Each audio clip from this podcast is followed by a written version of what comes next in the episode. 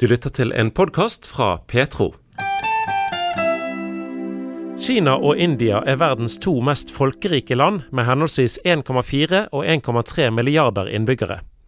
En annen ting de òg har til felles, er at de figurerer høyt på Åpne dørers rangering av land i verden der trosforfølgelsen mot kristne er verst. Den årlige World Watch List ble presentert tidligere denne måneden, og plasserer Kina på 17. plass og India på 10. plass. Ole Petter Erlandsen er faglig leder i Åpne dører. Det er riktig som du sier, det er ikke bare de to største land i verden, men det er også land som har veldig mange kristne. Kina har altså rundt 100 millioner kristne, regner vi med, i Åpne dører. Mens eh, India har 67 millioner kristne. Så det er ganske mange mennesker vi snakker om som, som, som opplever forfølgelse bare i disse to landene. Måten forfølgelsen skjer på er ganske ulike, eller til dels ulike i disse landene. Hvis vi ser litt på India først, hva er det som kjennetegner vanskene som kristne står overfor i India? Det som har kjennetegnet India i flere år, er at de har hatt en sånn økende grad av hindunasjonalistisk politikk. Hvor, hvor man ser på det å være inder og det å være hindu som ett og samme. Og det betyr at etter at hindunasjonalistiske partiet, BLP, ble valgt og, og fikk statsminister for noen år siden, så, så, har dette økt. Det har både vært at flere stater har vedtatt såkalte antikonverteringslover som gjør det forbudt å skifte tro. Der er det forbudt å bruke feil midler for å få noen til å skifte tro. F.eks. kjøpe dem, true dem eller, eller sånt noe. Og disse lovene har jo ikke blitt benyttet i, i noe særlig grad. Men, men, de virker som en trigger for de som ønsker å anklage kristne. Men det har også vært at det har vært flere angrep mot kristne, og, og også angrep hvor man ofte ikke blir straffet etterpå. Selv om lovverket i teorien ikke tillater angrep på kristne, blir dette i en del tilfeller sett gjennom fingrene med, sier Ole Petter Erlandsen. Mer ekstreme hindunasjonalister oppildnes gjerne av retorikken fra sentrale myndigheter, i noen tilfeller blir kristne så angrepet på bakgrunn av falske anklager om brudd på konverteringslovene. Ja, man blir ofte anklaget for å ha skaffet konvertitter på feil måte. Da kan man gå til angrep, man kan tilkalle politiet. Politiet er kanskje på lag. Og, og, og det blir i hvert fall ikke noe straffeforfølgelse etterpå. Så det er klart, holdningen til en leder i et land er viktig for hvordan innbyggerne oppfører seg. Statsminister Narendra Modi fra det hindunasjonalistiske partiet BJP kom til makten i 2014 og ble gjenvalgt i 2019. Situasjonen for trosminoriteter i India har de senere årene blitt verre, sier Ole Petter Erlandsen. Den har absolutt blitt verre, og det som skjer er at den politikken, eh, den antikristne politikken sprer seg litt utover hele landet. Vi har jo hatt isolerte tilfeller av forfølgelse tidligere. Det var en kjent runde i Orissa i 2008 f.eks., hvor det var mange, mange hindunasjonalister som, som brente kirker, drepte kristne osv. Men, men det var, liksom, var begrensa til det området. Men det som skjer nå, er at flere og flere stater vedtar disse antikonverteringslovene, som gjør det vanskelig å formelt sett bli kristne. Nå må det sies at det er ganske mange f.eks. av de av de kasteløse som, som, kanskje er med i en kristen kirke uten noen ganger egentlig å konvertere rent offisielt. I eh, India så har de jo dette kastesystemet, og mange av Indias kristne tilhører de lavere kastene. Hvordan spiller det inn i uh, dette med forfølgelse mot kristne? Det spiller inn på flere måter. Og én ting er jo at det er ofte da folk som er fattige eller underprioriterte i utgangspunktet, som, som blir kristne. Og det betyr at det er også lettere å forfølge dem etterpå det å være lavkaste er jo å være annenrangs borger. Og det er klart, de som er annenrangs borgere, de vil gjerne velge noe annet. Så ganske mange lavkastere ønska å bli enten kristne eller, eller, buddhister. Og selv om det har vært et press fra hinduene for å få dem tilbake igjen, press og lokkemidler, så, så, så er det ikke noe fristende for en som er kasteløs, å, å gå tilbake til en, en, en stilling som annenrangs Blant Indias 1,3 milliarder mennesker regner Åpne dører med at det er 67 millioner kristne. Kina har 1,4 milliarder innbyggere og eh, i underkant av 100 millioner kristne. Etter en periode med oppmykning overfor kristen virksomhet, har Kina de siste årene igjen strammet grepet, forteller Ole Petter Erlandsen. Den har blitt uh, ganske mye verre de siste årene det må vel ses på bakgrunn av at Den kristne kirke har vokst. og den har fortsatt å vokse. Så i dag så er, er det flere som er aktive kristne i, i, Kina enn det som er medlemmer av kommunistpartiet. Så kommunistpartiet ser egentlig på de kristne som en slags konkurrent. Og konkurrent om makten, eller konkurrent om hva som skal bli det framtidige Kina. Og da er det jo viktig å, å holde dem tilbake på forskjellige måter. 100 millioner mennesker som vi her snakker om, de kan man ikke sette i omskoleringsleirer, slik som man har gjort med uigurene. Man må finne på andre metoder. Og eh, de har, de har, de har fortsatt å øke, og de er frimodige. og de, de er, Det er veldig mange sunne kirker i, eh, i, Kina. Og Det som er verdt å merke seg, er at covid-19-pandemien har gjort at en del kirker har gått ut og vært veldig dyktig i, eh, med å bruke nye medier for å komme ut med budskapet sitt.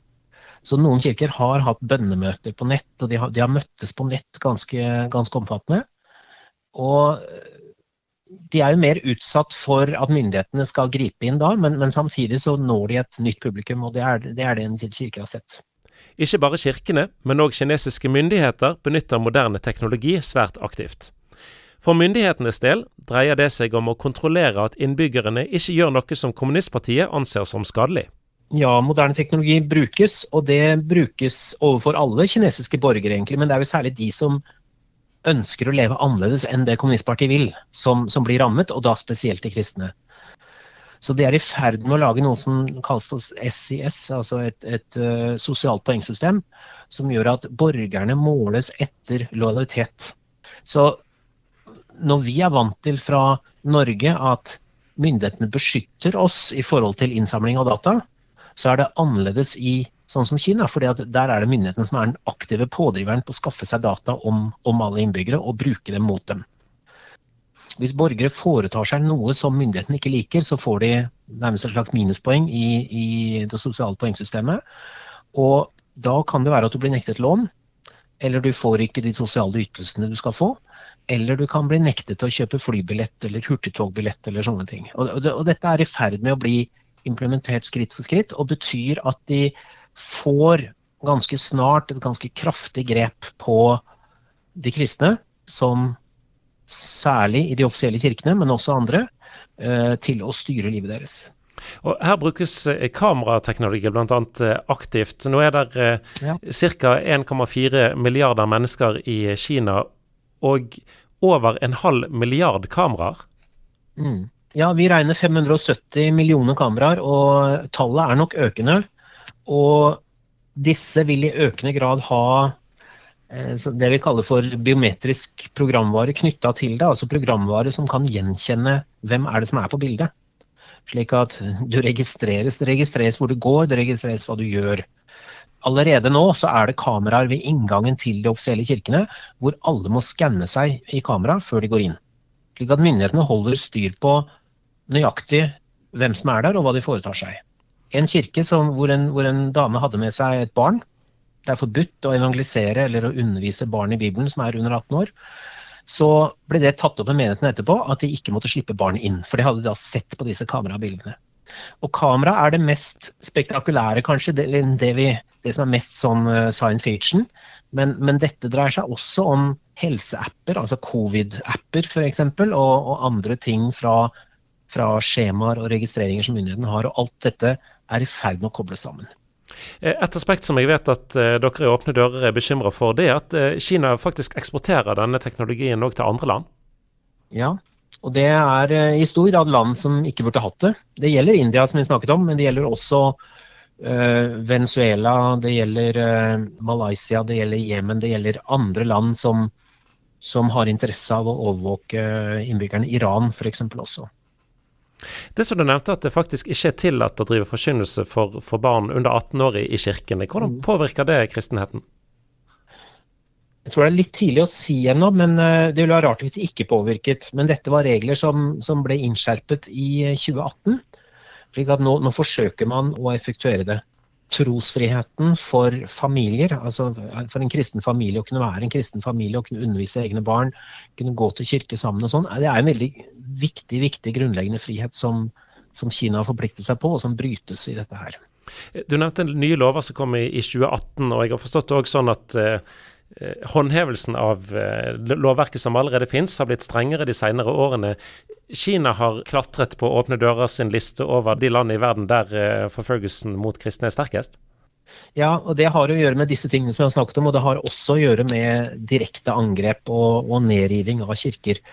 Til 2015 så regner vi at det var 300 eh, kirker som ble, som ble angrepet, eller hvor kors ble revet ned, eller hvor kirkene ble helt stengt eller revet ned. Mens i 2019 så var tallet oppe i 5000. Og i siste års statistikk så var altså det 3000 kirker. Så det er tusenvis av kirker som har blitt ødelagt eh, eller skamfert i løpet av disse åra. Vi har snakket om Kina, vi har snakket om India. Ulike land, begge to veldig store land. Er det grunnlag for å kunne si at i, i India så eh, utsettes kristne for forfølgelse på grasrotplan fra sine naboer, fra sine sambygninger, mens i Kina utsettes en for forfølgelse fra myndighetene? Ja, satt på spissen så er det ganske riktig. Det betyr ikke at det ikke er fra myndighetene i India, for det er det absolutt. Og det betyr ikke at det ikke er på grunnplan i, i Kina, men, eh, men, men, vi måler jo hvem er det som står for forfølgelsen, og der er, jo, der er det litt sånn som du sier. Vil det være mulig å motarbeide de negative trekkene her gjennom internasjonalt press, eller er disse landene så store at uh, de bryr seg mindre med hva lille Norge f.eks. måtte mene? En av de tingene vi har gjort i forbindelse med årets rapporter, er at vi har vært nøyere med å få fram hvilke internasjonale, hvilke internasjonale forpliktelser er det disse landene har inngått, og på hvilke områder er det de bryter dem. Så klart, Vi jobber i forhold til EU, vi jobber i forhold til FN, vi jobber i forhold til nasjonale myndigheter. Så selv om vi opplever at forfølgelse av kristne er en sak som, som er litt langt bak i køen, rett og slett, det er, det er, så mange andre ting som skjer, og det er lett for å bli glemt, så, så gir vi aldri opp det. Fordi dette er en stor sak. Det er, det er stort i forhold til menneskerettighetsbrudd internasjonalt, og, og, og det må ikke bli glemt. Du har hørt en podkast fra Petro. Du finner masse mer i vårt podkastarkiv på petro.no.